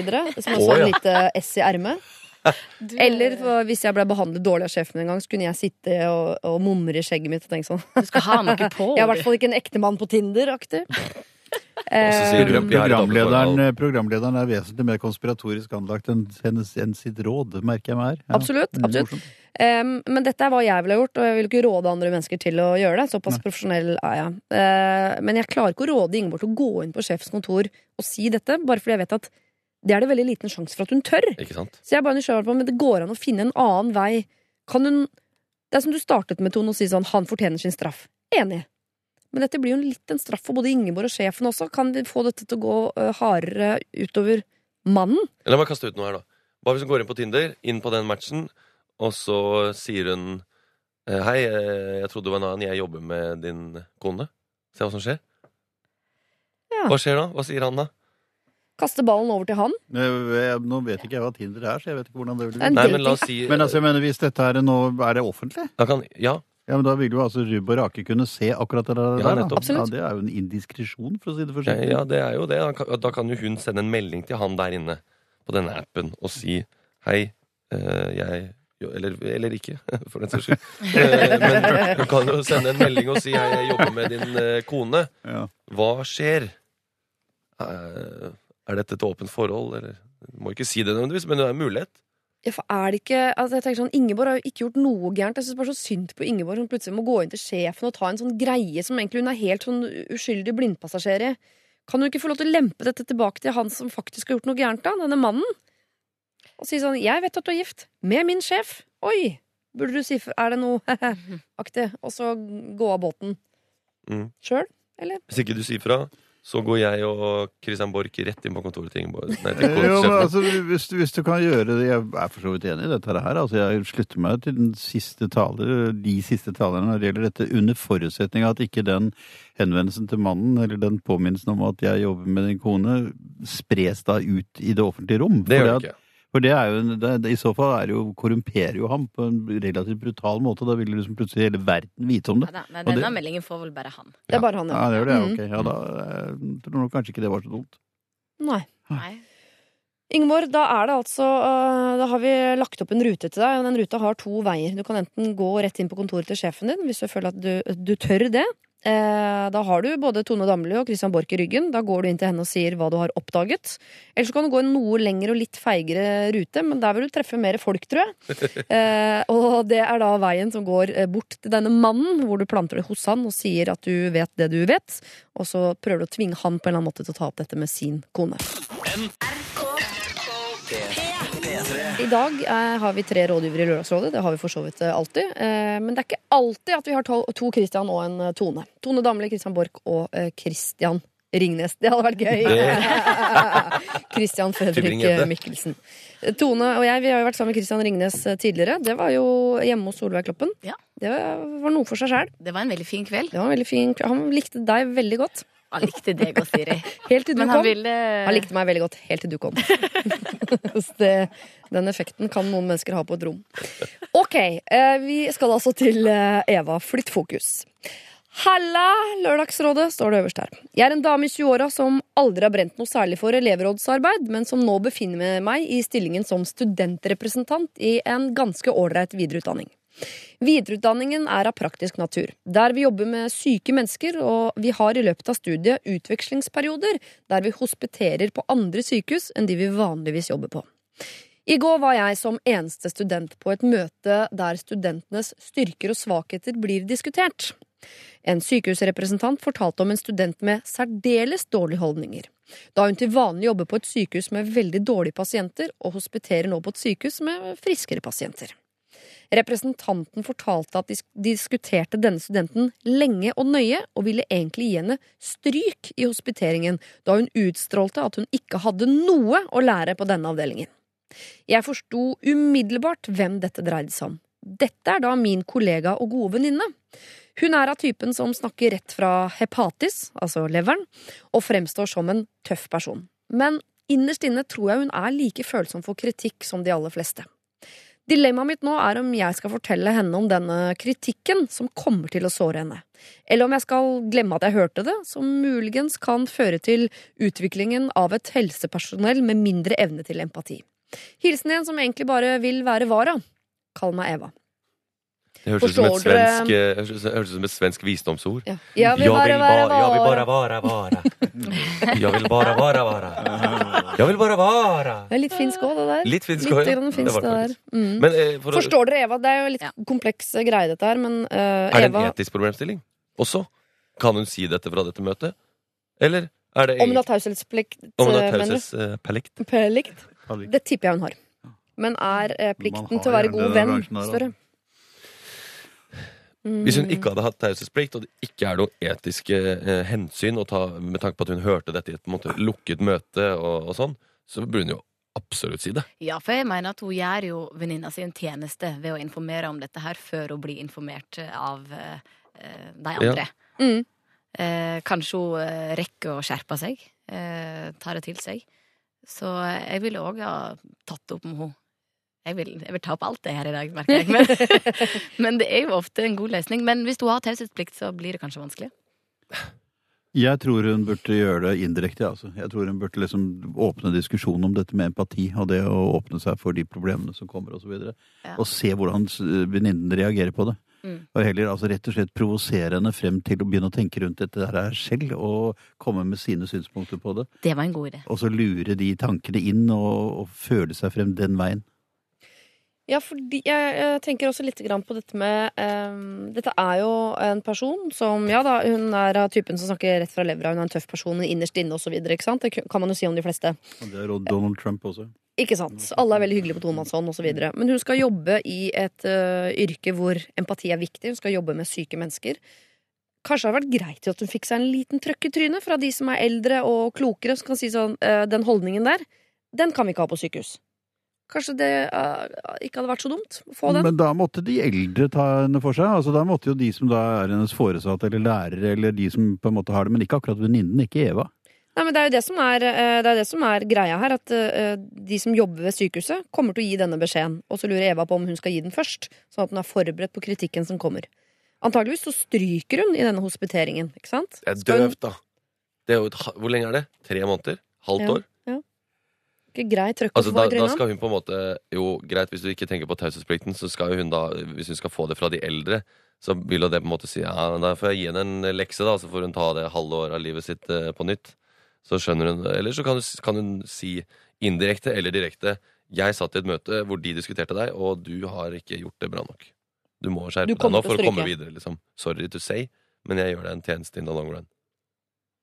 Mm. Jeg bare lurer på hvem det er viktigst at man gjør en tjeneste. Sin ene venninne, eller alle disse menneskene hun kommer til å møte på sin vei, som trenger omsorgspersoner rundt seg, men møter en uempatisk person som snakker rett fra levra, men som innerst inne er følsom som alle andre. Men akkurat det spørsmålet var det jeg da på en måte prøvde å besvare ved å si at jeg syns hun bør ta og reise disse problemene objektivt med henne, altså ikke konkret opp i den situasjonen, men rett og slett provosere frem en diskusjon om dette med å opptre empatisk, uh, ha respekt for osv. osv. Altså, ikke sant, hele det der elementet som er helt nødvendig i en sånn situasjon. Mm. Og diskutere det først, og så håper å si, gå såpass hardt til verks på det. Ta opp dette her, at hun da prøver å føle seg frem til om venninnen egentlig forstår hva hun snakker om. Gjør hun ikke det, så vil jeg kanskje ta, og ta det neste skrittet og si at jeg beklager, men jeg reiser disse spørsmålene med deg, fordi jeg vet at du er kritisert for å Ja. vise dårlige takter her. Hvor åpne er vi sånn, eh, Tone, hvis det kommer en venninne bort til oss og, og sier at vi bør endre noe, eller uh, prøve å fortelle oss at vi bør bli bedre på ting? Nei, jeg tror det er ganske vanskelig, Ja. eh, faktisk. Jeg kan se for meg sjøl at jeg ville ha hatt litt problemer med den samtalen, faktisk. Eh, jeg er veldig usikker i den situasjonen der, men jeg, jeg støtter nok Kristian litt her, altså. Altså at Eva går til sin venninne, eh, tar det opp som en eh, tilfeldig eh, moralsk diskusjon med venninnen Mm. sin, og hvis det virker ikke som noen ting går, eh, går inn, eh, så står hun fram med det hun vet. Jeg vil bare, Nå sier vi du skal inn på en tilfeldig moralsk diskusjon. Det er ganske vagt. Ja. Det er ganske, altså Hvis jeg hadde sittet og fått det rådet, så hadde jeg tenkt ok, takk, det var fryktelig vagt å si det. Jeg vil Mm. gjerne at Christian, du som er så flink til dette her, kan du gi oss på en måte en opener når du setter deg ned med henne i lunsjen? Du skal ta den praten. Hvordan kommer du inn på dette med empati på en, en lett måte? Hun kan for eksempel, øh, når du sitter der i lunsjen, så kan jo da Eva si at jeg har øh, snakket med noen som sier det og det og det, hva mener du om det og det og det? Øh, en har sagt til meg at noen er mindre egnet til denne rollen fordi de ikke går dypt inn i disse tingene. Jeg tenker slik og sånn, hva tenker du? Altså at du kan godt provosere frem, og du kan altså, det er ikke noe vanskelig å bruke eksempler som det er en sjanse for at venninnen kjenner seg igjen i. Da har du på en måte reist problemstillingen uten at du hugger inn på det personlige med en gang. Mm. Jeg, er enig med deg. Det er bare at eh, det er så lett å kjenne seg igjen i uh, typen som snakker rett fra leveren og fremstår som tøff, men innerst inne er følsom. Veldig lett uh, personlighetsbeskrivelse å kjenne seg igjen. Og jeg, jeg tenker bare at de som kjenner seg igjen i den kritikken, kanskje ikke burde jobbe så ofte på sykehus. Nei. Så du vil helst at hun skal stryke, du? Jeg tenker, ja, fordi Der hvor hun vanligvis jobber, hvor det er eh, veldig så syke mennesker at de antageligvis ikke får med seg om de rundt er empatiske eller ikke, så er det greit. Men å jobbe da med folk som trenger masse omsorg, tenker jeg nei. Du sender henne på likehuset, liksom? Er det det du sier? Ja, litt ned i kjelleren på likehuset der. Jeg- Har opplevd å være veldig veldig syk og treffe eh, sykehuspersonell som ikke har empati? Ja, Altså da tenker jeg sånn, Jeg vil heller at du er hyggelig enn at du kan sette sprøyta. har Jeg tenkt mm. Jeg vil heller at du bommer med seks kilometer på den eh, bedøvelsen der. Bare du kan være litt hyggelig. Det, vært- det trenger jeg mer nå. Ja. Nei, eh, jeg tror ikke Vi blir nok ikke enige her, altså. Men Eva, hvis du tenker at du har noe innvirkning på venninnen din, så gå eh, litt subtilt fram. Se om du kan få opp diskusjonen. Og hvis du merker at eh, venninnen din dette går ikke inn hos henne, så kan du være en god venn og si det du allerede vet, sånn at hun eh, får kritikken på forhånd. Men pass på litt, da. Hvis hun ikke hører hjemme på det sykehuset, så har det vært greit med en trøkk i trynet òg.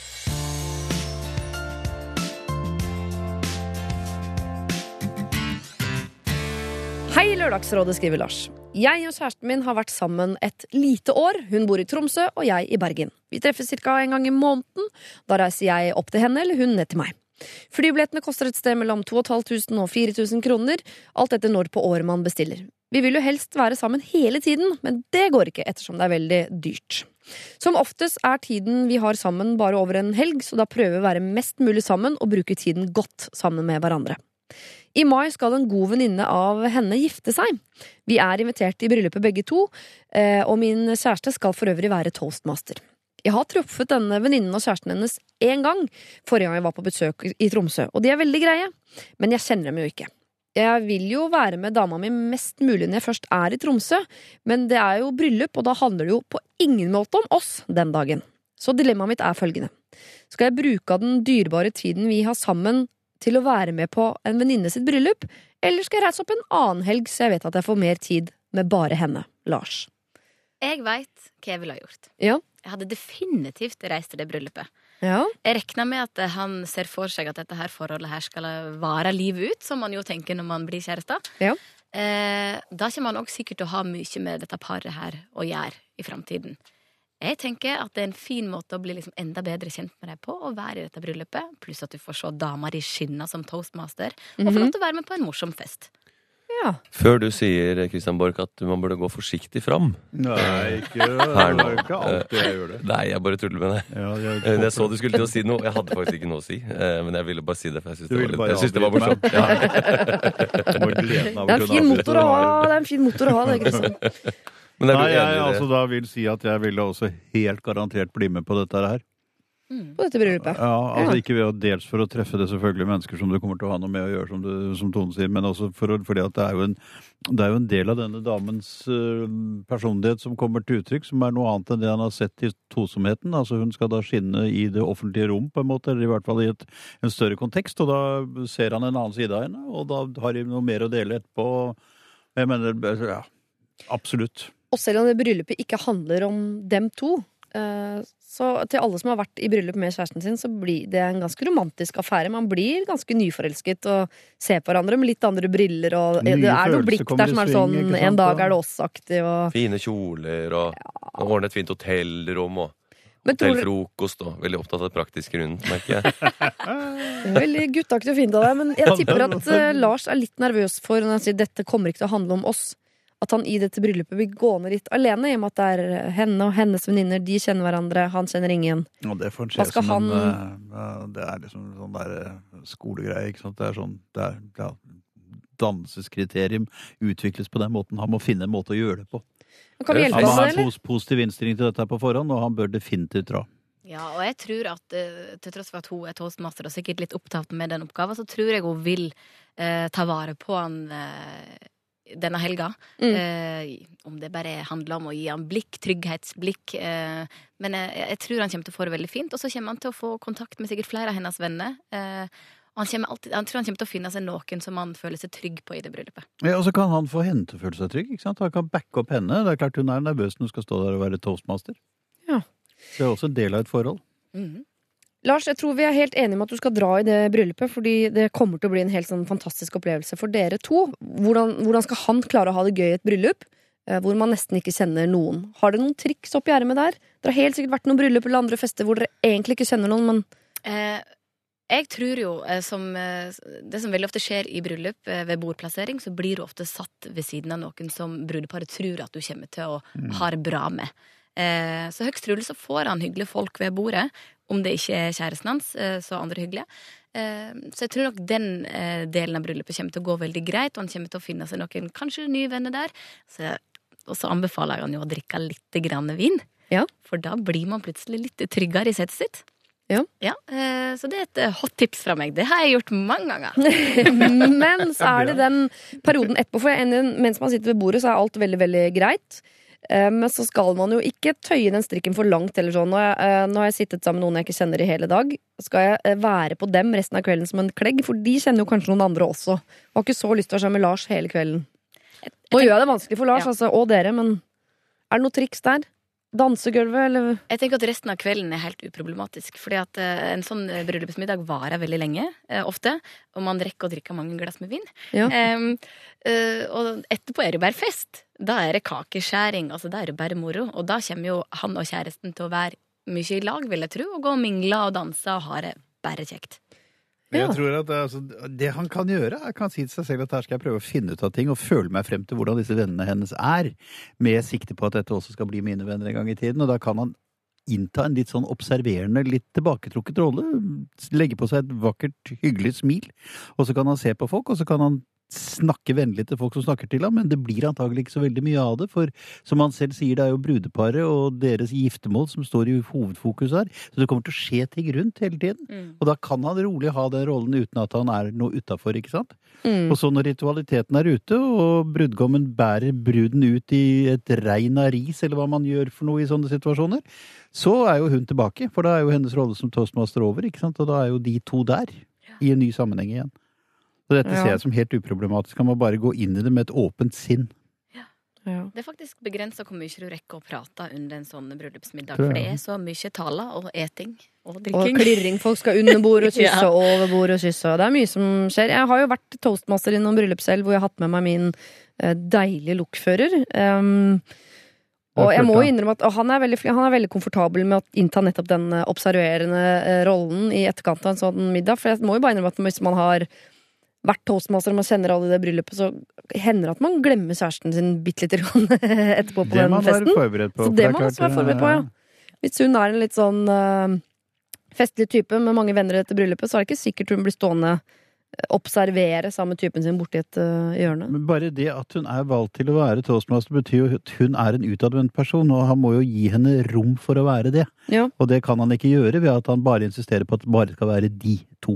Hva gjør du Christian, når du drar på, for du drar helt sikkert på en del sånne fester i din bransje hvor det er masse komikere, kollegaer osv. Kjæresten din står hun, inntar en sånn veggprydaktig observerende rolle borti kroken der. Eh, nei, det vil jeg ikke si. Hun har jo også vært med i bryllup hvor jeg har vært toastmaster. Jeg har Ja, ikke vært i så mange bryllup, men jeg har vært toastmaster i de aller fleste Ja, de. det er jo vår eh, Hva skal man kalle det? Vår eh, last i livet. Ja. Ja, jeg vil bare være vara, men jeg må være postmaster. Det. Nei, Ja. eh, på sånne bransjefester og sånn, da eh, har jeg jo forsøkt å introdusere henne så godt at jeg føler at hun nærmest eh, kjenner de på egen hånd, for sin egen maskin. At hun ville stoppet og pratet med mine kollegaer. Og jeg er sier meg veldig enig i det at når man først er ferdig med toastmasterjobben, da vil jeg vende meg mot min kjæreste igjen, ikke sant? Selv om man kanskje er litt opptatt under seg selve middagen. Ja. Jeg har også brukt toastmaster som en forsvarsmekanisme, eh, sånn at jeg ikke nødvendigvis må prate med alle rundt bordet eh, når jeg er i et bryllup, for da kan jeg si du, nå må jeg nesten være litt toastmaster her. Eh, Ja. Om jeg går litt i meg selv. Ja. Og jeg må også si at jeg elsker å være på fest med kjæresten min, der vi slipper egentlig å, å stå og holde hverandre i hånda hele tida. At jeg kan danse litt med noen, han kan danse med noen, men man sender hverandre noen sånn hyggelige blikk eh, tett og stadig. Og, og, så, og så møtes man litt og kysser litt, og så går man hver for seg og danser. Det, Sånne ting elsker jeg. Lars, vi er jo fortsatt enige, det var vi i forrige runde også, om at du skal dette bryllupet. Eh, middagen kommer til å gå som en lek, og etter middagen så enten så har du fått deg noen nye eh, venner, eller så er du mye sammen med kjæresten din, eller så kan du ta en observerende rolle hvor du uh, står litt borti en krok og følger med. Uansett så er det viktig at du uh, stiller opp. Er der for kjæresten din, og så uh, er det en fin læring, rett og slett, på hvordan par dere skal være.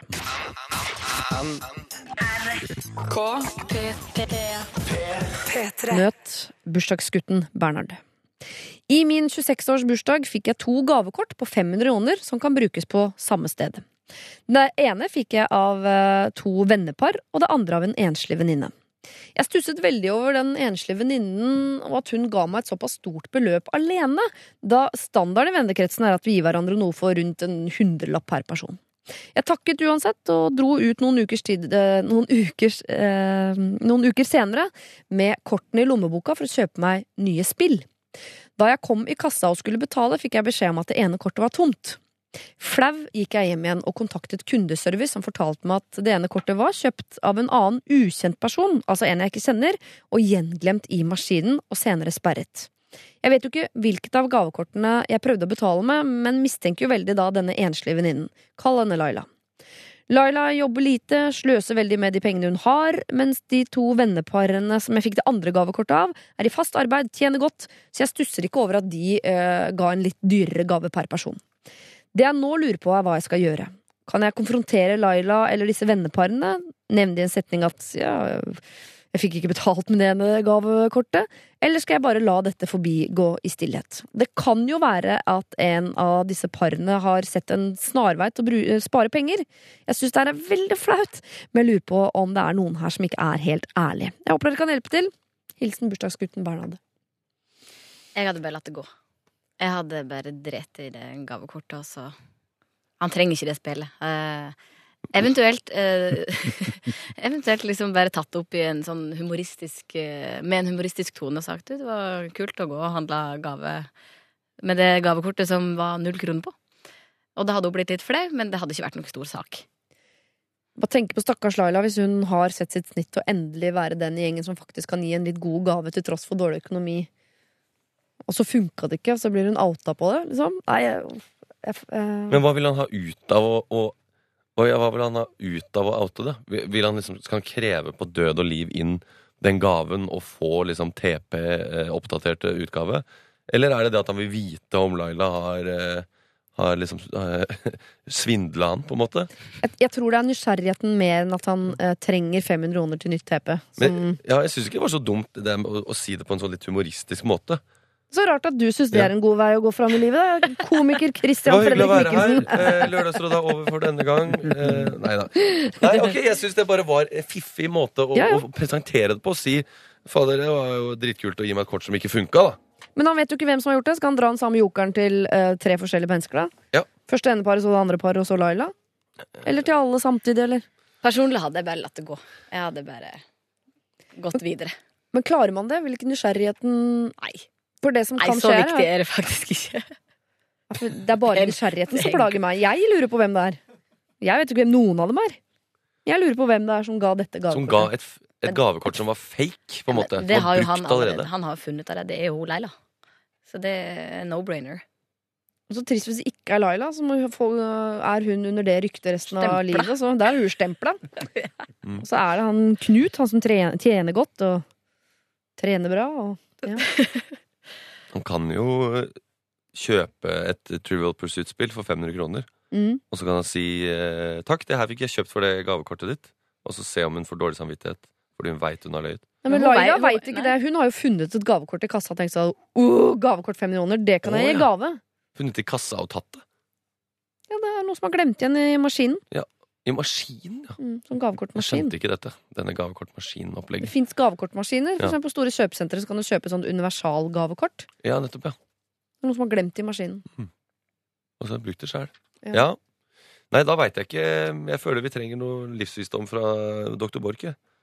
Greier ikke å produsere noe, kjenner jeg.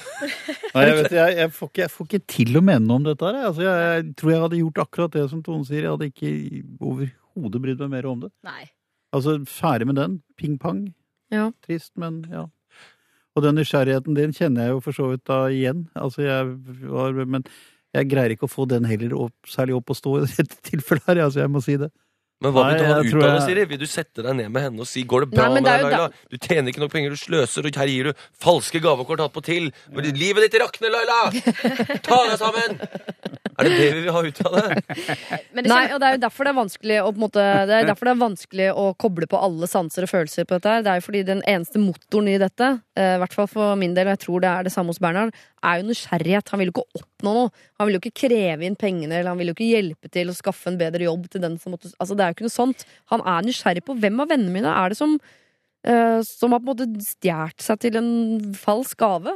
Ja, og det han oppnår ved å fortelle om dette her, er jo at hun kommer til å få dårlig samvittighet, kommer til å gå ut og kjøpe en ny gave til han som hun kanskje ikke har råd til. Det ville jeg ha unngått. Jeg ville bare skipp bort. Bort. Ja, Bli bort. Du skal få det korteste rådet vi noen gang har gitt i Lørdagsrådets historie, bursdagsgutten Bernhard. Rådet her er huitt bort. P3 Dette er Lørdagsrådet på P3.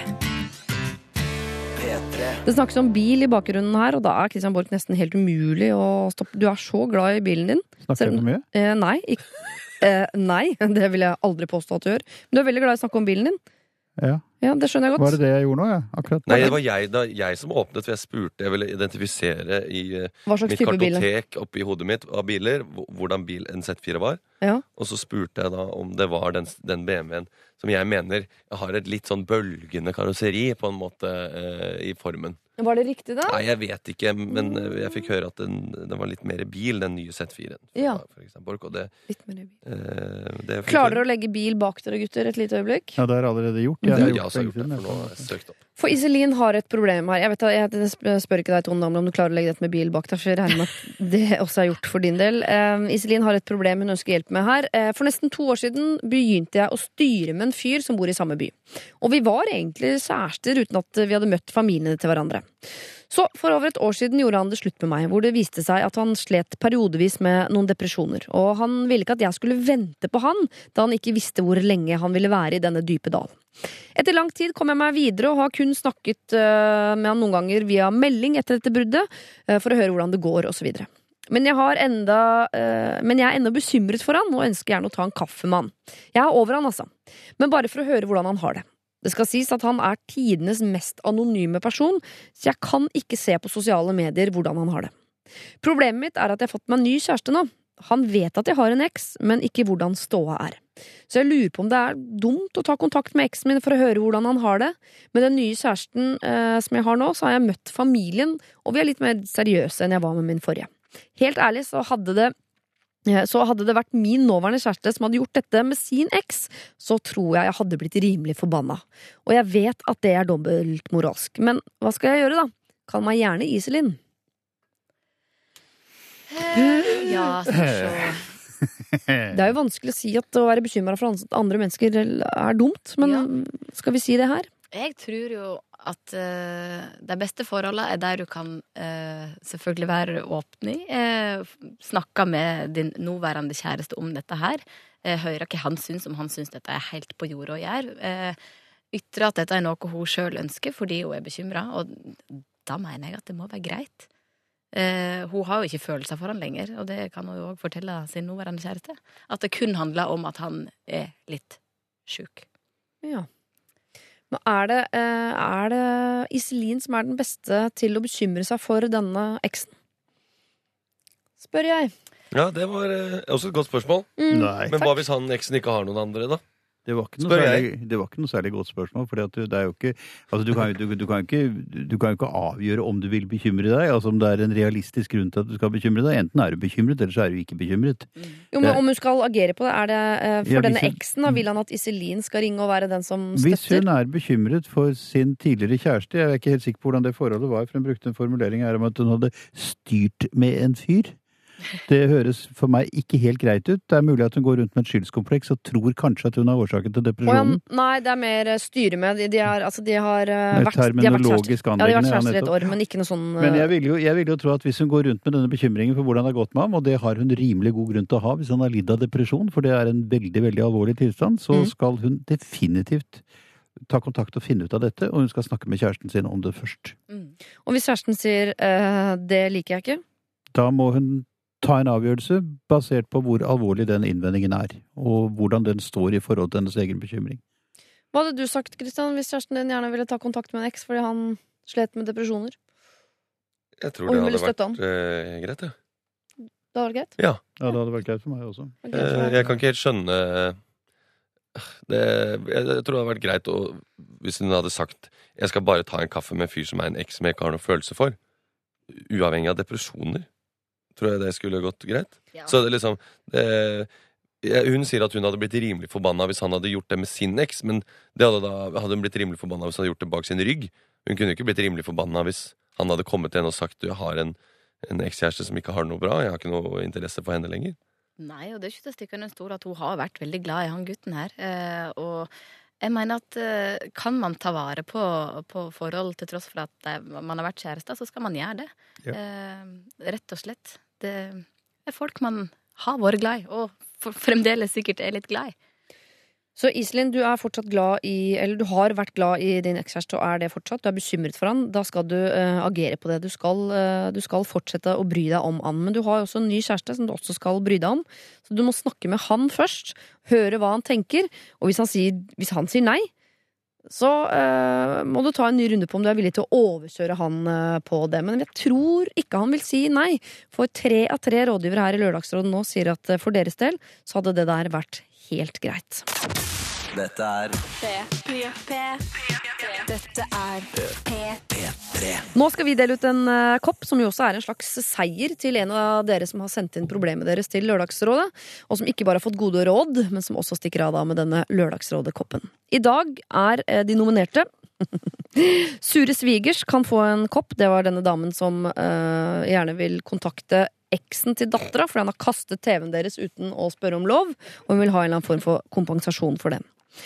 Kristin lurer på om foreldrene hennes har blitt gale. Både moren har blitt rar, og nå har pappaen også blitt eh, rar. De behandler henne dårlig. Eh, kan hun gå inn i det og finne ut av hva som har eh, skjedd?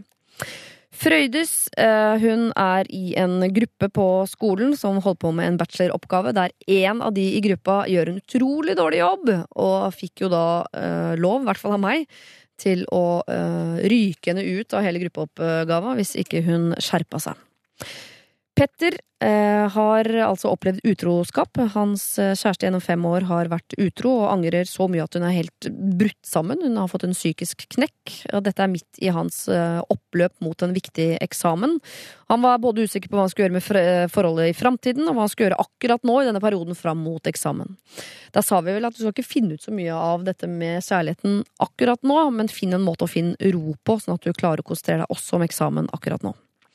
Så har vi Frida, da, som lurte litt på hva slags type menneske hun er, eh, basert på at hun eh, ønsker å gå i en begravelse til en fjern slektning, ene og alene fordi noen skal ha konsert i denne begravelsen, og dette er en artist eller et band som hun har veldig lyst til å oppleve. Og der fikk hun overraskende altså god stemning rundt det. Ja, det blir ikke noe kopp på henne, i hvert fall. Det, Nei, eh. Derimot kan hun få et, eh, få et karbonadesmørbrød. det kan en snitte kan. Ja.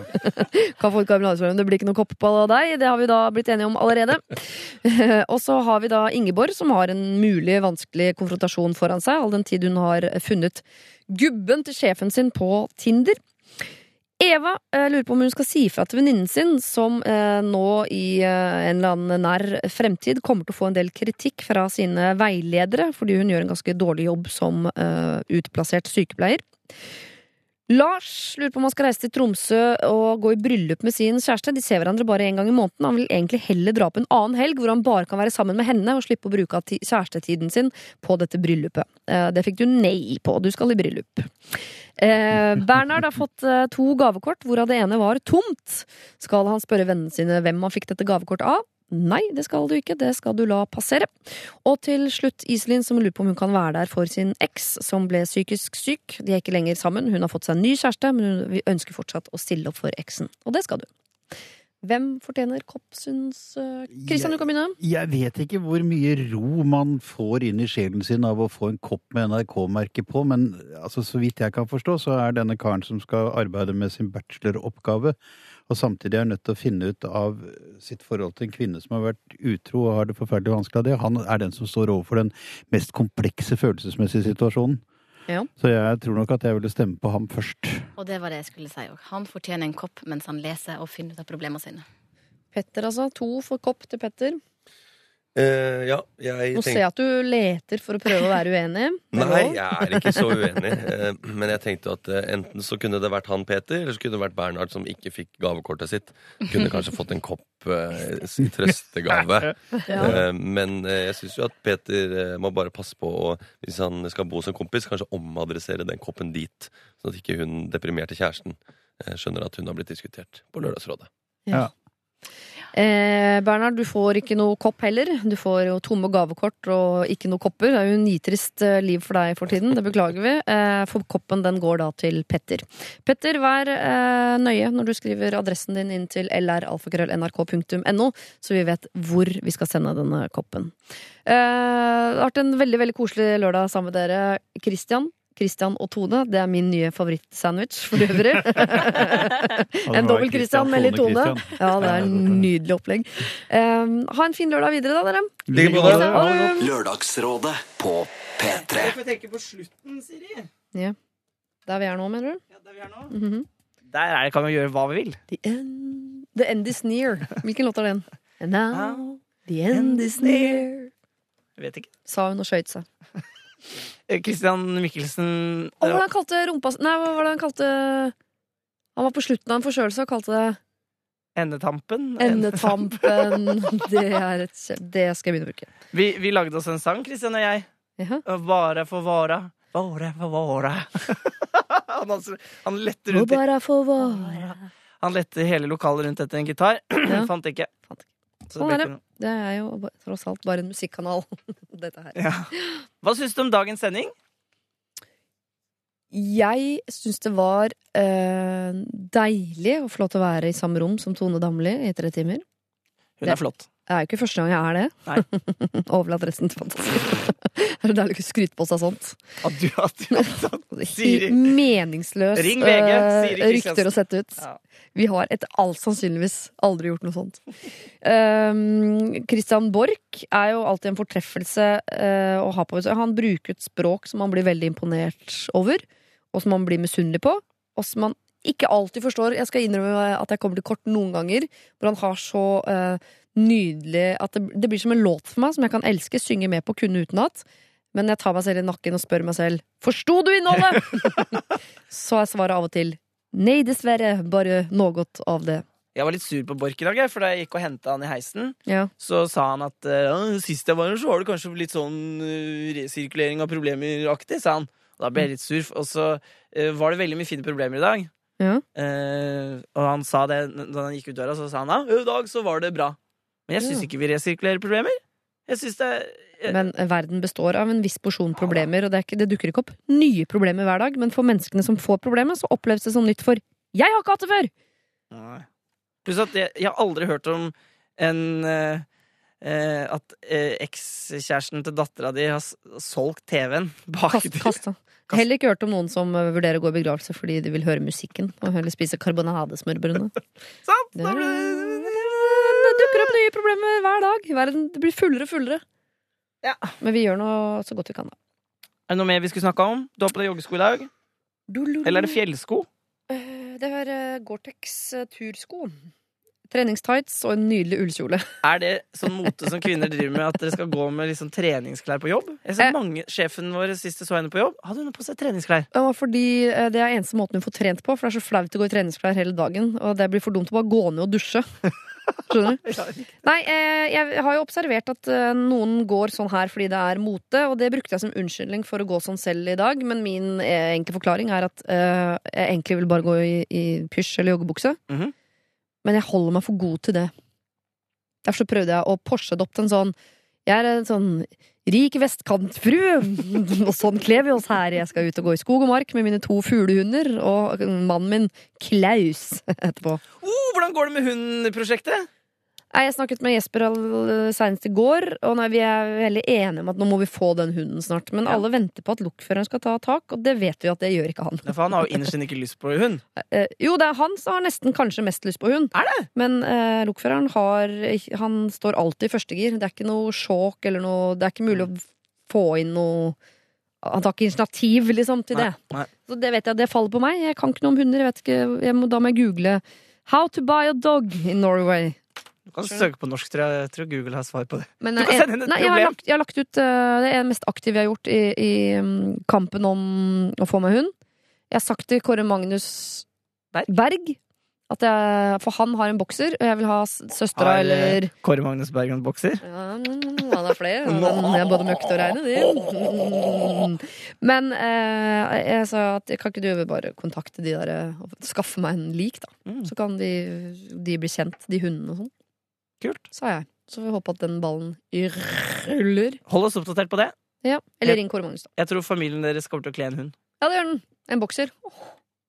Boks. Det er ikke min favoritthund. Altså. Ja, Det er den fineste hunden, så hvis det ikke er favoritthunden din, så er du dum. Ja, da, da vet vi det! God helg! Du finner flere podkaster på p3.no podkast.